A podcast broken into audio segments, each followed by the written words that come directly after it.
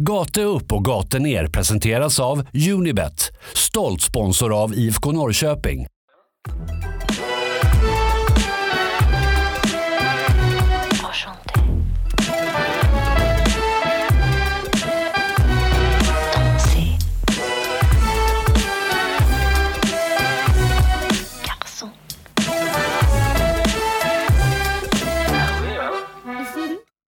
Närmar oss halloween och de senaste matchernas slutresultat liknar inget annat än något av en mardröm för IFK Norrköpings säsongsavslutning.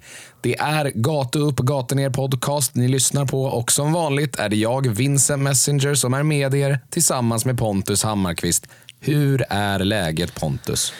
Ja, bra inledning kan man väl säga. Så läget är väl eh, läget är som det är. Det var lite vad man förväntade sig om eh, AIK skulle göra första målet. Då fick vi se den matchbilden vi hade förväntat oss och den vi inte ville uppleva. Eh, så att idag är det väl ja, sådär helt enkelt. Det är väl inte supertaggat när det gäller fotboll. Hur är läget själv då Vincent?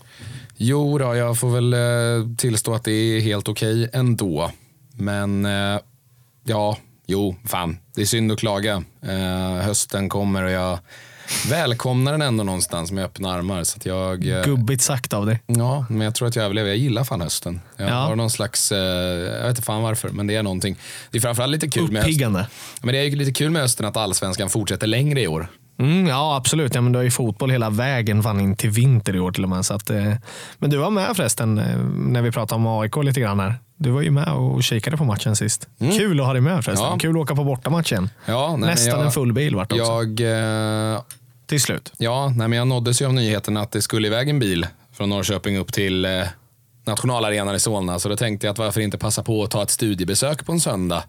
Vad fan annars gör man Ja, en söndag eftermiddag? exakt. Så att, eh, det blev att härja på Friends, men eh, det räckte inte hela vägen. Nej, det gjorde det inte, men eh, det var upp, eh, uppfattade det i alla fall att det var väldigt roligt att åka på bortamatchen. Man, eh, det var ju min första bortamatch i år om man bortser från Katrineholm. Så att, eh, otroligt kul i alla fall att få dricka lite bärs och åka bil och se fram emot att kolla på fotboll och hänga med folk som man kanske inte alltid träffar varje dag heller. Ja. nej, bara det var kul i alla fall. Och jag lyckades med konststycket att inte bara en, utan två gånger urinera i Mall of Scandinavias parkeringsgarage. Ja, otroligt, men det förtjänar de. Ja, det kan de ha. Pissa på AIK som man, som man brukar säga i folkmun. Ja, det gjorde du bokstavligt talat. Ja. Det är det där köpcentret som tillhör AIK. Ja, det ska vi prata om. Eh, Ja, vad ska vi var, prata om idag Ja, men det ska vi prata om vad det lider. Jag tänkte säga det att vi eh, ska väl snacka lite AIK borta för IFK och vad som händer där eh, och eh, vad man tar med sig från det. Sen tänker jag väl att vi ska utse våra tre stjärnor från den matchen, trots allt, trots ytterligare en förlust. Mm. Eh, Det finns en hårtork att dela ut som känns ganska självklar ändå.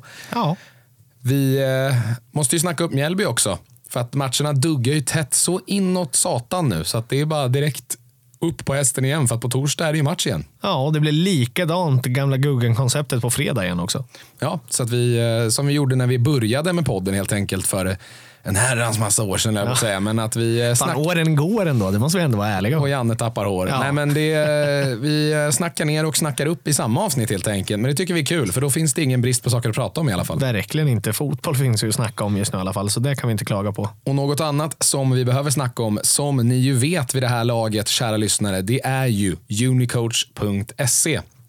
Eh, Unicoach.se är ju svensk elitfotbolls och Unibets långsiktiga och gemensamma satsning för att utveckla framtidens svenska elitfotboll.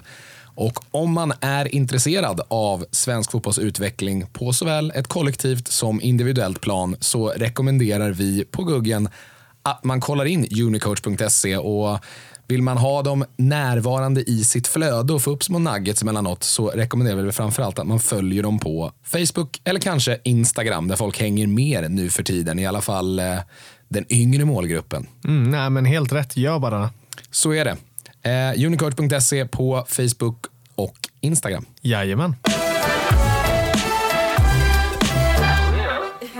Du, eh, en sak vi eh, ganska säkert kan konstatera efter AIK IFK Norrköping är ju att AIK alltjämt är AIK.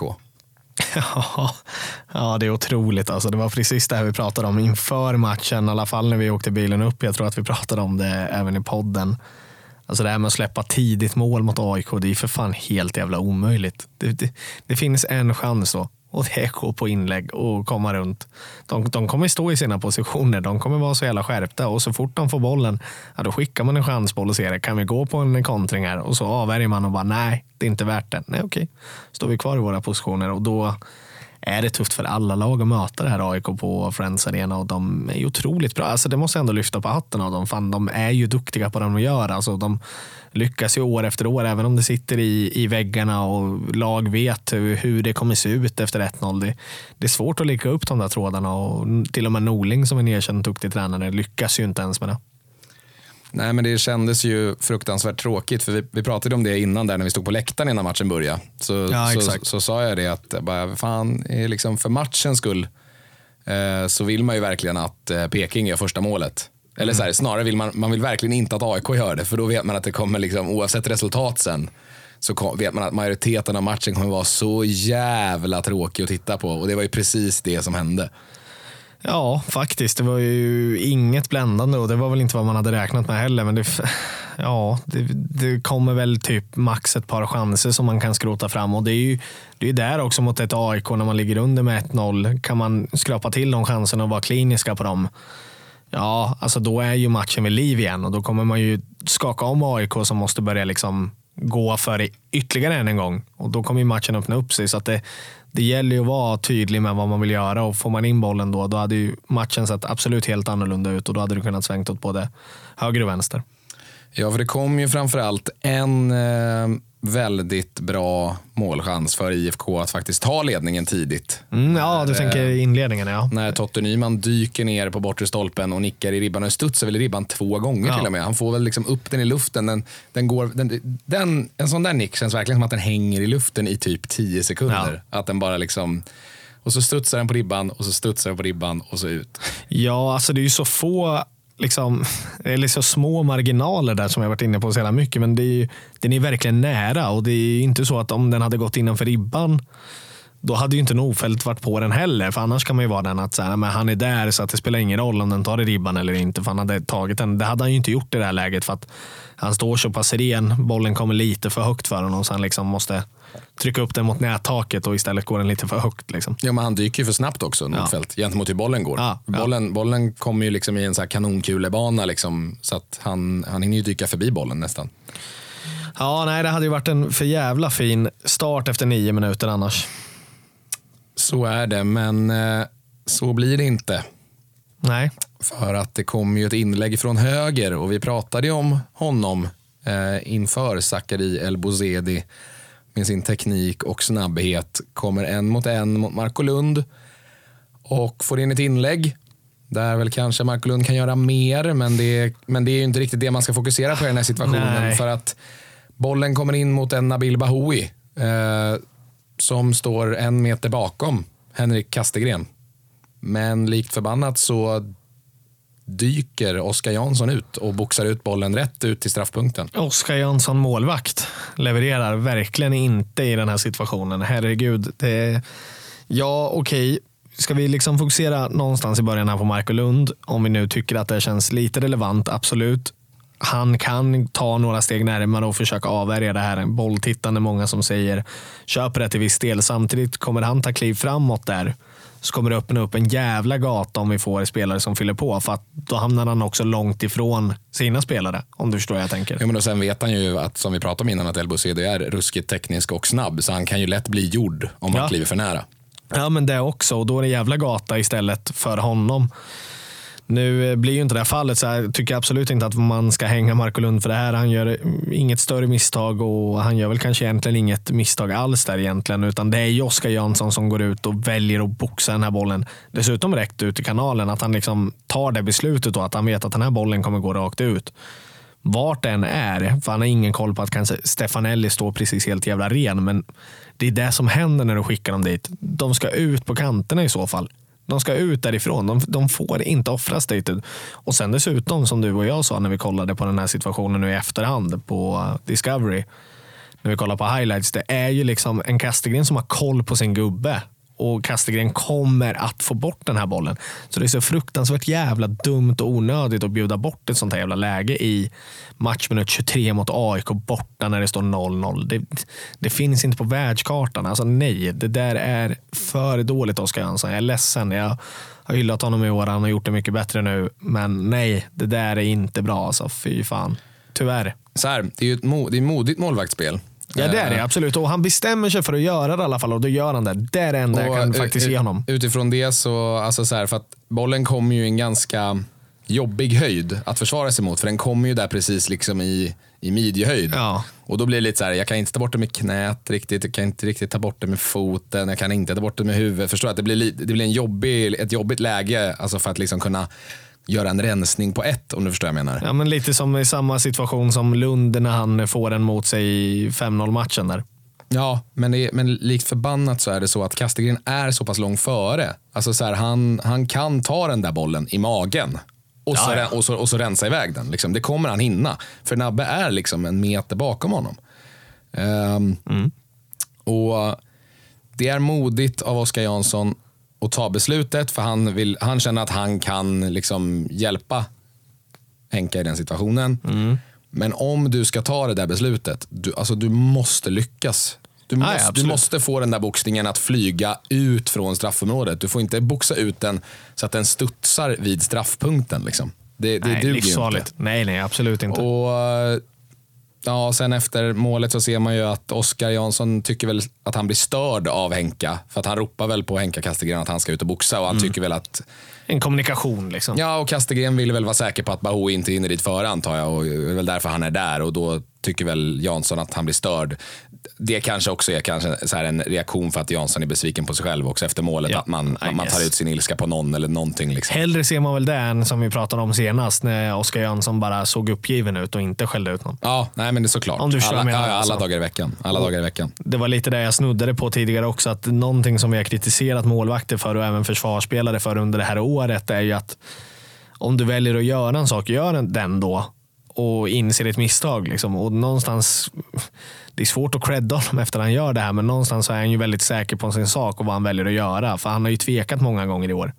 Nu blir det en felbedömning, men det är väl det enda jag känner att jag kan ge Oskar Jönsson efter det här ingripandet. Att han går all in för det, men han be- missbedömer ju det där något grovt tyvärr. Ja, ja nej, men han, han visar ju beslutsamhet. Ja. Och det är ju någonting som kanske har saknats i, i andra situationer i år. Så det får man väl se som positivt det i alla fall. Men, Mm. Ja. men sen är, Om man ska gräva men, lite men, där. men det är ju svårt att hylla någons beslutsamhet när de hoppar ut från ett stup. Liksom. Alltså lite så. Nej, nej, såklart. Det, men ja, Du förstår vad jag snuddar på åtminstone. ja, jag förstår vad du menar.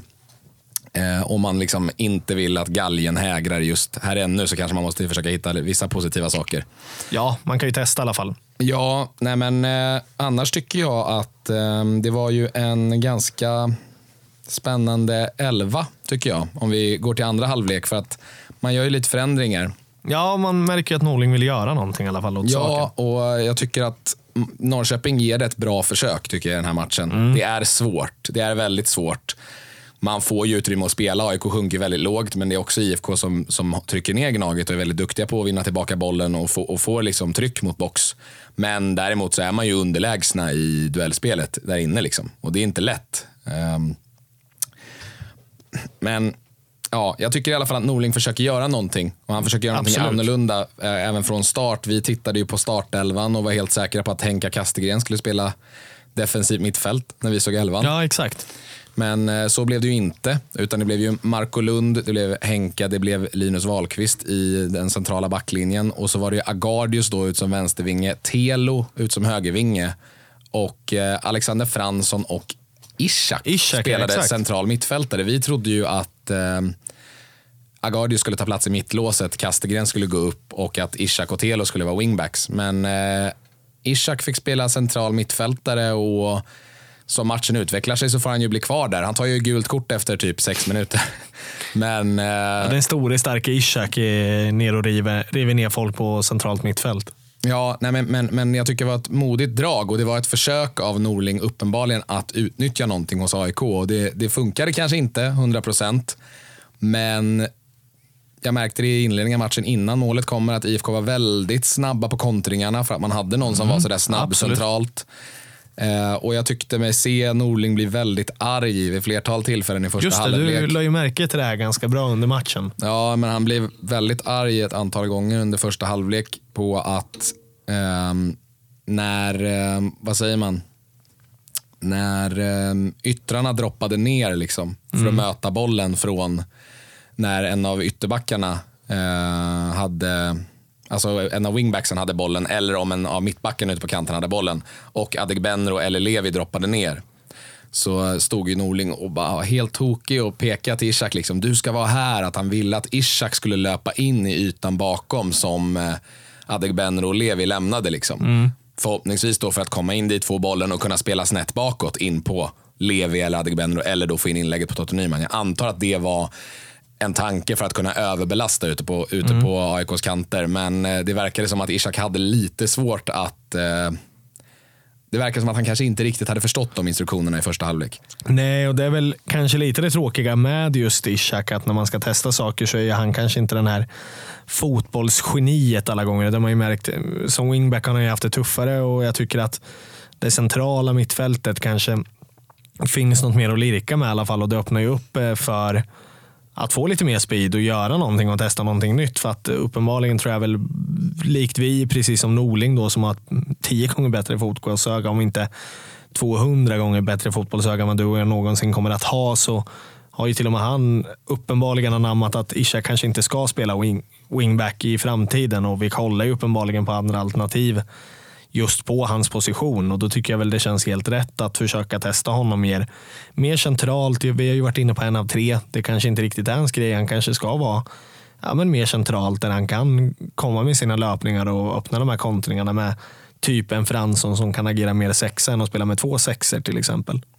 Ja, och det... Eller ha honom som någon falsk sexa. Att man, ja, Ja, nej, men, jag tänker. Och som, som matchen utvecklar sig så blir det ganska naturligt för Ishak att vara kvar. Och ehm, när, även när då AIK gör eh, 1-0, då blir man ju av med kontringsmöjligheten på Ishak. Men det man får kvar är ju den här oberäkneligheten i vad som händer där inne när han får bollen. Vilket gör att AIK vågar ju inte kliva upp och pressa honom ordentligt. På samma sätt som om det hade varit Aris Gulason och Alexander Fransson. För där vet de att de har två spelare som är lite långsammare, som inte är lika kvicka, som inte har lika låg tyngdpunkt och kan göra dem helt enkelt. De är inte lika bra en mot en. Och Det märkte man ganska tydligt där att, att Norrköping kunde flytta bollen eh, över sina centrala mittfältare ganska bekvämt och att AIK sjönk väldigt lågt.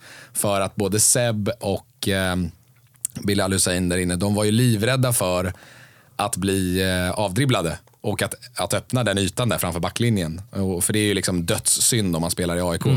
Och, eh, så det, det var ju verkligen någonting som hjälpte IFK att trycka ner, eh, trycka ner Gnaget. Något annat som hjälper väldigt mycket det är ju Norlings, jag tycker Norlings matchcoachning och allmänna alltså så här, inställning till matchen tycker jag är ganska bra. Jag tycker matchplanen är ganska väl uttänkt och jag tycker bytena faller väl ut. Ja, möjligtvis kanske inte Aris Gulason, men det kanske vi kommer till. Men eh, Kalle, Absolut. Björk, Kalle Björk kom ju in och spelade vänster wingback eh, istället för Viktor Agardius. Mm, exakt. Men det blir ju inte riktigt att han spelar wingback med tanke på att AIK inte anfaller eh, i princip Nej. hela andra halvlek. Så det, det blir ju bara som en extra ytter. Men Norling identifierar ju det, att vi ska fan trycka ner dem nu.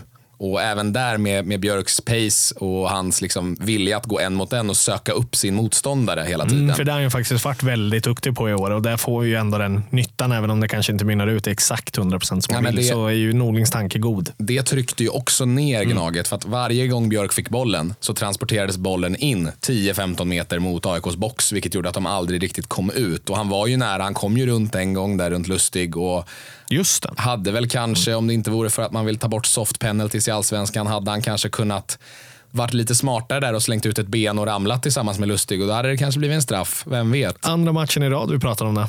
Mm. Det tycker jag är intressant. Jag tycker att Kalle, eh, Kalle Holmberg, höll på att säga, Ka- Karl Björk eh, kan bli mycket mer smartare fotbollstänkt. Det känns som att det är den sista lilla grejen just nu att slipa på för att göra honom Alltså fortsätta bara få honom att bli så bra han bara kan bli. Och Då tror jag att det kan mynna ut i en fantastisk eh, allsvensk spelare. Även om han är en bra allsvensk spelare idag så tror jag att han, det där lilla extra kan göra honom otrolig istället. För hade man suttit här och haft två straffar med sig i två matcher och Kalle Björk som söker och är lite smartare. Fan vad du och jag hade hyllat honom idag då.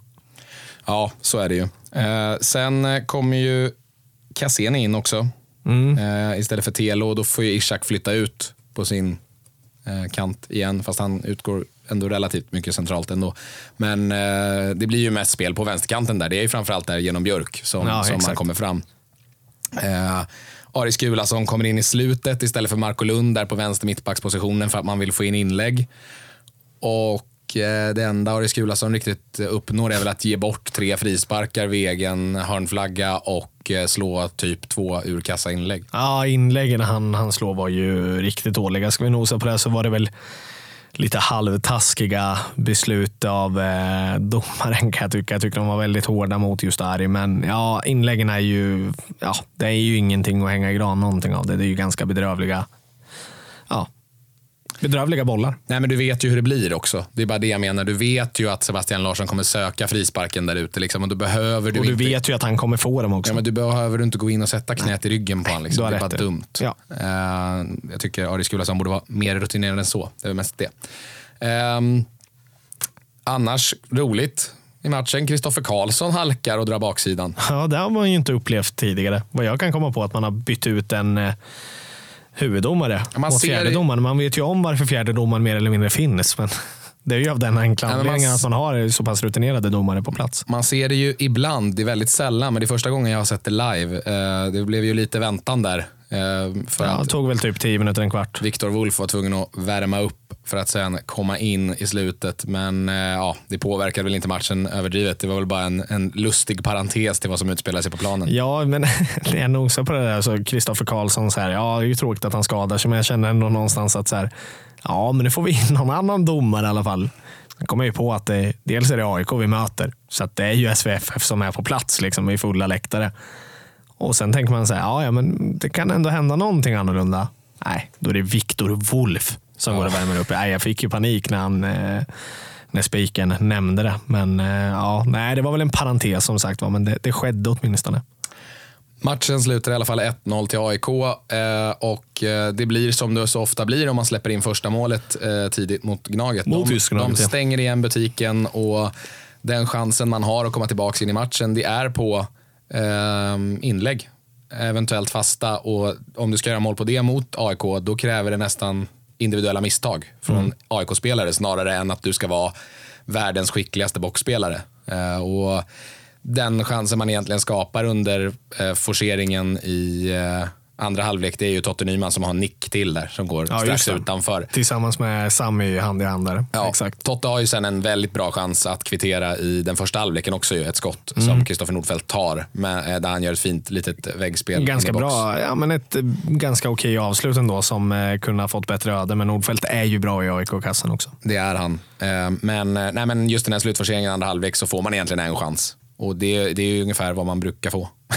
Eh, när, man, när man tvingas spela ett inläggsspel i 45 minuter. Och, eh, men jag tycker utifrån förutsättningarna och hur jävla duktiga AIK är på det där. Framförallt på den där pissiga mattan, på Friends. Alltså så här, så tycker jag ändå att IFK ger ett helt okej försök. Jag tycker att de trycker ner AIK lägre än vad de är bekväma med att vara och man är där och nosar. Men med det sagt så skapar man ju inga klara målchanser, men det hade nog inte många lag gjort i allsvenskan heller. Nej, alltså vi gav oss ju inte riktigt, eller rättare sagt vi missade väl chansen att eh, haka på någonstans för sista, sista, sista gången inför något intressant. Nu tappar vi redan mot Häcken, men jag sa det, vi har liksom AIK, Djurgården och Elfsborg. Då kräver det att vi ska vinna alla de matcherna, vilket kommer vara tufft. Och det bevisas ju redan nu för att vi torskar mot AIK. Eh, Jag tar med mig det också positivt sett med någon slags framtidstro över att den här matchen var inte så dålig genomförd egentligen, utan AIK gör det svårt och då är det bara bita det sura äpplet och inse att vi inte var kliniska eller AIK gjorde inga misstag. Utan sett över 90 minuter tycker jag inte vi gör en pissig insats i alla fall. Utan det, vi kan gå därifrån med huvudet högt och känna att nästa år ska fan vara vårat år. Som supporter, det ska inte spelarna tänka för de ska vinna det som är kvar. Tre stjärnor då. Ja, vi ska väl gå igenom det. Inhoppande Karl Björk tycker jag ska få en stjärna. Ja, men det tycker jag han förtjänar. Jag tycker han gör det väldigt bra där ute på sin sida och, och trycker, ner, eh, trycker ner och är stressig mot Lustig där ute. Och det är oftast från vänster tack vare Björks djupledstryck som man får alla inläggslägen. Så att, eh, Han ser till att skapa dem i alla fall. Det händer ju någonting från hans fötter och när han får, får boll. Så att, och han ser ju, gör ju lustig eh, så att han ser riktigt dum ut många gånger. Eh, Och det är en gammal landslagsspelare, det ska vi också ha klart för oss. Det skojar man inte bort när Kalle Björk gör bort lustig. Jonathan Levi får två. Han eh, spelar ju i princip hela matchen och eh, ser ju pigg ut tycker jag. Surrar runt där och, och eh, är på sitt lekhumör alltjämt, även om det är svårt på såväl mattan som mot ett defensivt lagt AIK. Men det är ju han som väggar fram med Totte där till eh, den kanske största chansen utöver nicken. Då. Eh, och det är även ute på den kanten som den chansen där Totte nickar i ribban eh, där den skapas. Så jag tycker att Levi är någonstans ändå det kreativa navet i laget om man ser till hela matchen, även om det är svårt. Ja, alltså han är ju spelsugen åtminstone. Det har vi sagt ett tag nu och det, det händer ändå saker och man ser att det, det vill komma fram saker. Men det går inte riktigt hela vägen ut. Men jag tycker ändå definitivt att han förtjänar två stjärnor och det, ja, det, det ska han ha. Han är, han är spelsugen. Tre stjärnor går till Totte Nyman. Mm, de gör ju det. Det är ju faktiskt han som skapar allting. i Ja, den här är matchen ju- egentligen. det Eller skapar och skapar. Det är han som har lägena den här matchen. Oavsett var bollarna kommer ifrån så är det tre stora lägen Peking har att faktiskt få med sig ett mål i den här matchen och det är Totte som är på änden på alla tre. Ja. Han har ju en nick i ribban, en nick precis utanför och han har ett väldigt bra avslut som Nordfeldt gör en kvalificerad räddning på. Så att jag tycker att han eh, ändå kliver fram och gör det han kan. Ja, det är inte en sån liksom match heller där han får de här lägena. För annars hade man kunnat sätta, sitta efter tre lägen och känna att så här, men hur kan du bränna alla de här? Jag menar, det är han som kommer och får de här lägena och inte riktigt är där. Och som du säger, nick i ribban, vad ska man göra åt det? En nick som går strax över, som är tufft och sen en kvalificerad räddning. Nej, han förtjänar fan tre stjärnor, 100, 110 procent. Han gör en bra insats i alla fall. Och hårtorken går till Oskar Jansson. Ja, solklart. Nej, men vi har ju, vi har ju redan halvt eh, hårtorkat honom för det här redan i det här avsnittet. Men eh, ja, det är väl klart han får efter den där megadumma utboxningen. Däremot, en kvalificerad räddning som hade kunnat sluta i 2-0. Han gör en sinnessjuk räddning eh, Så det känns ju konstigt någonstans att ge den, men ja. där Nabil Bahoui ska göra 2-0 men där han gör en grym räddning och håller ju matchen levande för eh, IFK. Men faktum är, Ja. och faktum kvarstår, att när vi ser tillbaks på matchen över 90 minuter så är det misstaget han gör som kostar matchen. För det ändrar hela matchbilden och det tillåter AIK att göra precis det de vill. Och det gör att man förlorar matchen. Det är det överlägset största skälet till att man förlorar matchen. Det är att man släpper in mål först. Och när man gör det genom ett individuellt misstag, då, då blir man tyvärr eh, den som får hårtorken. Ja, jag tror att Oskar Jönsson kan köpa det idag också. Att det är mer eller mindre därför vi åker hem med noll poäng. Eh, annars hade, vi, hade det varit en helt annan matchbild i alla fall. Så, nej, han får den tyvärr den här veckan, Oskar Jönsson. Bättre lycka nästa gång säger vi väl då. Typ så. Så är det. Du, jag tänker vi ska eh, ge en liten ett litet snabbt uppsnack här till eh, Mjällby-matchen ju. Som ju väntar här om bara, ja inte ens två dygn. Eh, och ja, eh, vi ska väl snacka lite Mjällby helt enkelt och vad vi kanske vill se för förändringar eh, från Gnaget-matchen och så där. Och så tänker jag att vi ska tippa den matchen. Ja, absolut. Innan vi gör det dock så vet ni vad som väntar. Det är ju hemmaklubben. Nu är det dags för slutruschen här. Det är inte många omgångar kvar. In på unibet.se hemmaklubben och registrera er och se till så att IFK Norrköpings ungdomar får ta del av så mycket av den där 20 miljoners kakan Unibet delar ut som möjligt. Man behöver inte spela. Det enda man behöver göra det är ju, som ni vet by now, att ha ett konto på Unibet. Så det är bara att gå in och göra det. Det är helt gratis. Det man dock ska veta är att regler och villkor gäller. Man måste vara över 18 år om man ska spela. Och om man upplever att man själv eller någon i ens närhet har problem med spel så finns stödlinjen.se alltid öppen. Jajamän. Mjällby AIF då. Jimpa Åkessons bondgäng nere från söder. Vad är känslan eh, när du hör Mjällby hemma?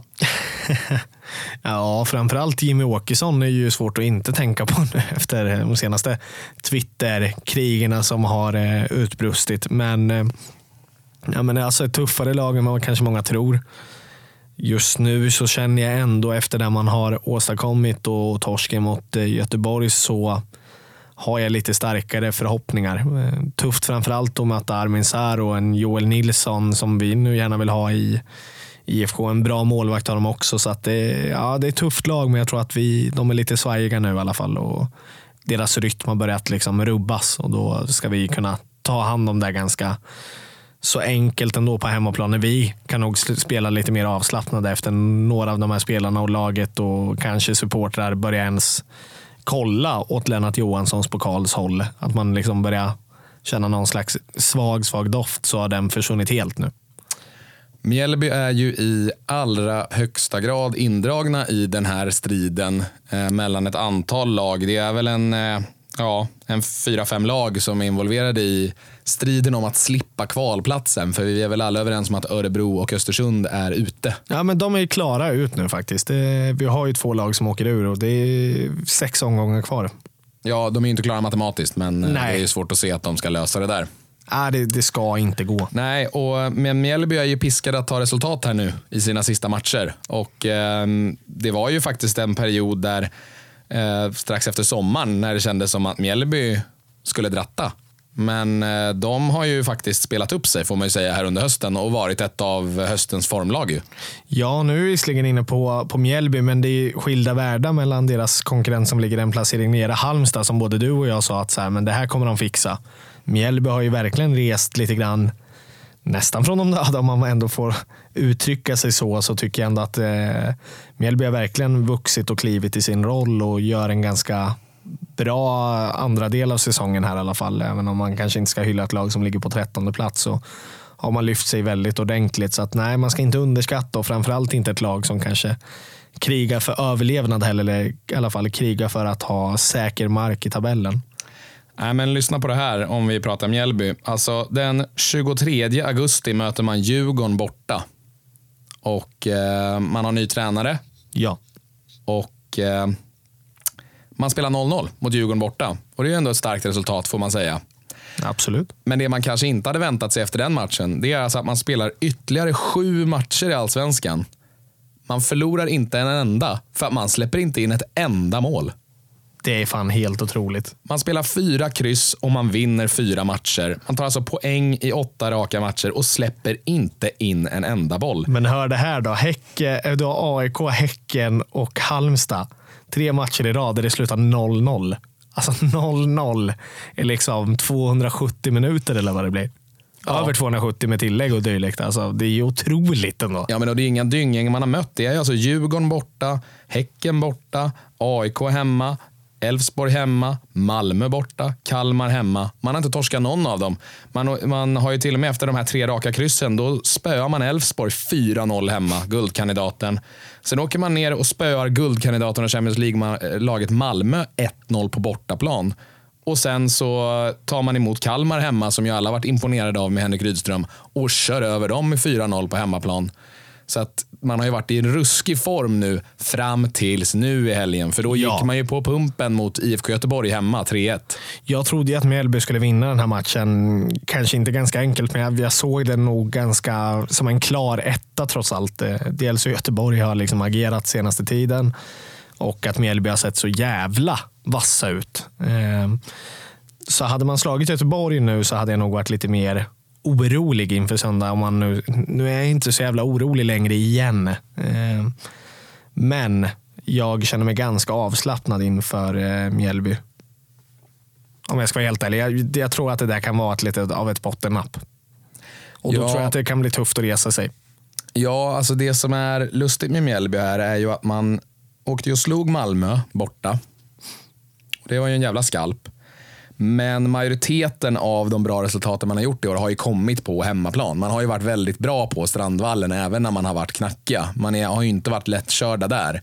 Men man har ju inte varit något dunderlag på bortaplan. I alla fall inte när det kommer till trepoängare. Man har ju varit och liksom snott till sig 0-0-resultat mot såväl Häcken som Djurgården. Förutom att man slog Malmö här senast. Men tidigare under säsongen så när man kanske var lite mer, ja, var kanske i lite mer av en sån här formkurva som man förväntar sig Mjällby att vara i. Då var det ju så att man tog ju tre pinnarna på hemmaplan. Och de har ju inte traditionellt då varit ett superstarkt bortalag den här säsongen. Så att Samtidigt, man åker på ett rött kort i första halvlek mot Göteborg, vilket ställer till matchen. Man lyckas kvittera med tio man ändå, men så småningom så blir, så blir Göteborg för starka. Långt inkast ändå. Klassiska när man ligger under med en man mindre och det är Mjällby på hemmaplan. Nej, men så jag menar bara att kanske inte det bästa bortalaget, men jag tycker fortfarande inte att den här matchen med Göteborg ska vara vägvisande för att Mjällby håller på att tappa. Jag tror att den matchen kommer bli tuffare än vad man tror på torsdag. Ja, nej, men det, tro- det tror jag också. Det är väl det jag är inne på. Jag säger bara att jag tror att Norrköping kan spela avslappnat och det är Norrköping på Parken. Det är inte lätt att slå oss där. Eh, I alla fall inte sett över de senaste åren som har gått. Och då ska Mjällby ändå få det tufft. Alltså jag tror ändå att det blir en vinst, men jag tror att många ser det som en enklare uppgift än vad det är för att man kollar lätt i tabellen och kanske inte följer alla lag 100% vilket jag har dunderrespekt för. Men er som lyssnar, Mjällby är inget jävla pissgäng i alla fall sett över sista delen av säsongen i alla fall. De har verkligen gjort det bra och ställer till det för lag verkligen som är i toppen. Om vi får välja någonting då ur ett eh, Peking-perspektiv. Ja. Vad vill eh, du se för förändringar i elvan till eh, Mjällby-matchen? Ja, men det kanske inga större förändringar just elvanmässigt. Det, det jag vill se är väl att vi ska liksom våga trycka på vad det här starka hemmalaget. Eh, eventuellt kanske våga ta bort en typ Marco Lund och kanske ge de yngre chansen. Kanske fortsätta med att se Ishak centralt och se om det kan vara någonting på gång där. För att jag menar, även om Telo inte gör en så här dunderprestation så tycker jag samtidigt att Telo är det Telo är. Han gör en liksom godkänd match precis som i vanlig ordning. Det är inte många gånger jag tror jag har suttit och sagt att fan vad Telo är dålig. Och därav tycker jag inte att det känns oroväckande nu när vi har sex omgångar kvar. Vi har inte kanske svinmycket att spela för. Det är klart att det finns en Europaplats med lite tur, men jag menar det. Ja, vi kan sitta med det här tur och tur hela tiden, men nej, våga chansa, våga offra och hitta viljan i laget och våga mixtra om som Norling faktiskt har gjort nu och få grabbarna att tro på det. Då tror jag att absolut att vi kan slå många lag till i år som vi har kvar att möta i alla fall. Jag menar, har du någonting klart av någon du vill byta ut i elvan själv spontant? Jag Mer än två, kanske Marco Lund. jag har två ändringar eh, som jag skulle vilja göra i elvan. Mm. Och eh, Det är att jag skulle vilja plocka ut Telo eh, ur elvan och eh, stoppa tillbaka Ishak där ute och starta Kristoffer Cassini bredvid Alexander Fransson om han är redo eh, för att spela 90. Ja, men det är så jag menar att jag tror inte att han kommer vara inför, eh, inför nästa match. Jag tror inte att han är redo att lira 90 igen. Nej, och då tycker jag väl Jag tror att, att man kommer skynda långsamt med det. Men Då- absolut, annars köper jag Cassini. då tycker jag att man lika gärna kan fortsätta. Eh, en annan eventuell ändring jag skulle tänka på i alla fall för en halvlek eller så, se hur matchen utvecklar sig i första halvlek. Det är att jag skulle kunna tänka mig just utifrån eh, skadehistoriken och så vidare med ett öga mot nästa säsong. Att Totte Nyman kanske får sätta sig på kvisten. Eh, då jag tycker att Kalle Björk såg het ut som fan sist mot Gnaget. Då fick han ändå tre stjärnor ändå, Totte Nyman, Mm. förra matchen. Men eh, jag tror att, eh, alltså jag tror inte att det kommer hända. Men Nej. jag tror bara att om man skulle vilja, som du säger, eh, liksom rotera lite, Mm. känna att man kanske vill ja, ha lite mer av ett långsiktigt perspektiv och kolla på framtiden och se att så här, man vill ge Kalle Björk så mycket speltid som möjligt. Han är het dessutom, så det är ingen jävla välgörenhet tycker jag. Nej, absolut inte. Eh, Gud, nej. Adegbenro har ju tappat lite av sin, eh, sin vasshet när han har fått flytta ut till vänster för att Totte ska spela centralt. Det kan vi komma fram till att där ska ju inte, även om han eh, har spelat mycket där ute, han ska ju verkligen inte spela där. Nej, nej men så det, det är väl bara en sån här, liksom, eh, om jag måste hitta något annat så skulle väl det vara att vila Tottes ben lite för det är match igen eh, på söndag. Och liksom ge Kalle chansen, för han såg het ut och jag tror att Kalle ärligt talat var lite förbannad. För att jag tycker han har spelat väldigt bra sen han har fått kliva han in. Och, och han har fått kliva in och det är klart att det är surt när man hamnar i en sån här situation att ja, ja, du kan göra det hur bra du vill, men när Totte är tillbaka, då sitter du på bänken. Alltså så här, den, den suger ju liksom. Klart det måste vara frustrerande och det tycker jag med all rätt och jag tror att det är bra för en sån ung kille att känna den också. Irritationen och den liksom välmående över att man, man blir petad trots hur jävla bra man än gör det. Och då känner man ännu mer, men vad fan jag ska visa dig. Och jag ska visa er allihopa att jag förtjänar den här platsen mer än Totte Nyman då. Och det är inga illa krav att ställa. Nej, nej men fan. Det ska vi- vara jävligt klart för oss. Vi får väl se då huruvida Kristoffer Cassini är redo och huruvida Norling vill spara på Totte eller inte. Men jag tror nog att laget kommer vara ganska likt eh, det laget vi såg mot eh, AIK. Ja, men det tror jag också. Eh, han, Rickard Norling gillar ju att försöka spela sitt lag så likt som möjligt i alla fall. Och då tror jag att sett över en match så tror jag att han inte bara vill hålla där utan han vill nog kunna göra det minst ett par i alla fall. Och kanske tre, men eh, det känns inte som att han rubbar på det efter första gången. Nej, men I vanliga fall hade jag pushat för Aris Kulason för jag tycker han är en väldigt bra spelare och väldigt viktig eh, i Norrköping när han är bra. Men jag tyckte han var ganska kassist. Så jag känner, inte, jag känner att han gott kan få sitta kvar på bänken. Och, och, och Nej, om, om man nu vill, om, om man, form, om man nu vill fortsätta med det här Ishak-experimentet centralt så gör det. Ja, just nu. Jag trodde inte att jag skulle säga det, men efter sommaruppehållet så tycker jag absolut att man kan experimentera mycket mer och plocka bort Skulason för att jag tycker inte att han har hållit klass nu på ett bra tag. Tyvärr, annars har jag varit jättemycket för Skulason och det vet ju ni som har lyssnat på den här podden också. Hur eh, slutar den här matchen?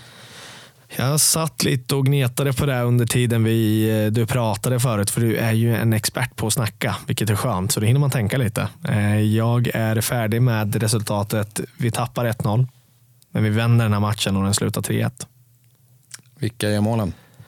Jag tror ändå att, så här, fan, vi har varit inne på det tidigare, men Sami måste tillbaka så han ska vinna skytteligan i år och då måste han börja göra mål igen. Va? Och då är det just mot kanske Mjällby man ska göra två mål också. Så att han gör två mål och sen är det nog, jag tänker bara för att vara lite rolig, liksom, fan, jag tror att Isha kanske kan få göra det därifrån nu när han kommer lite, lite mer in i, mer centralt ifrån om du förstår vad jag tänker. Kanske inte där man brukar göra mest mål på en säsong som central mittfältare om man får fortsätta där, men jag tror att det, det är lite time för honom. Han kan inte gå en säsong utan att ha gjort mål. Va?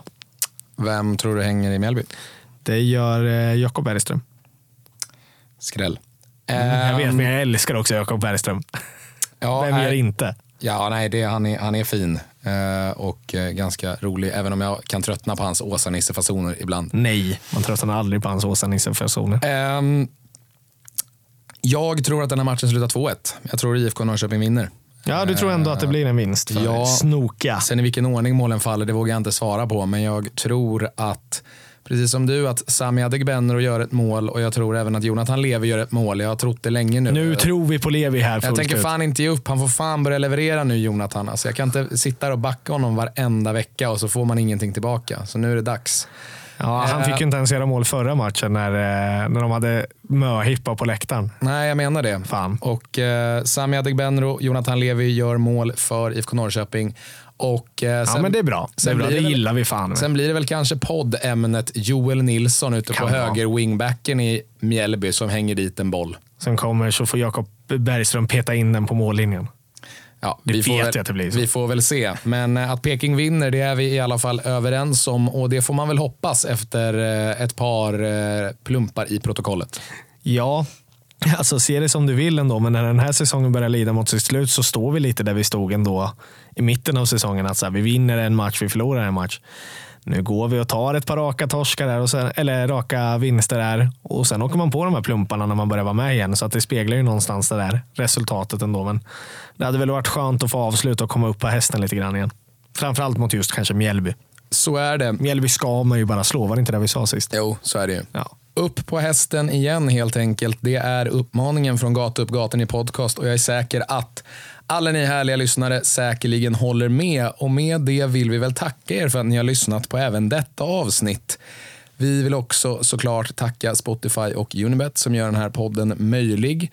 Och så hoppas vi att alla har en fortsatt trevlig vecka så hörs vi igen på fredag, dagen efter Mjällby-matchen va? Mm, men vi, eh, om allt går som det ska, om inget skulle gå åt helvete, så ses vi ju självklart på torsdag först och främst.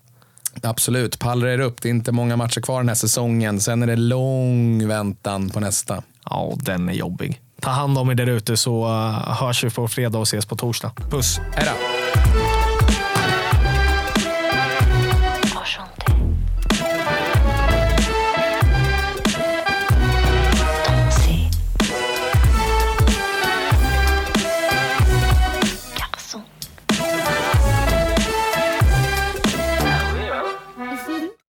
Den här podcasten presenterades av Unibet,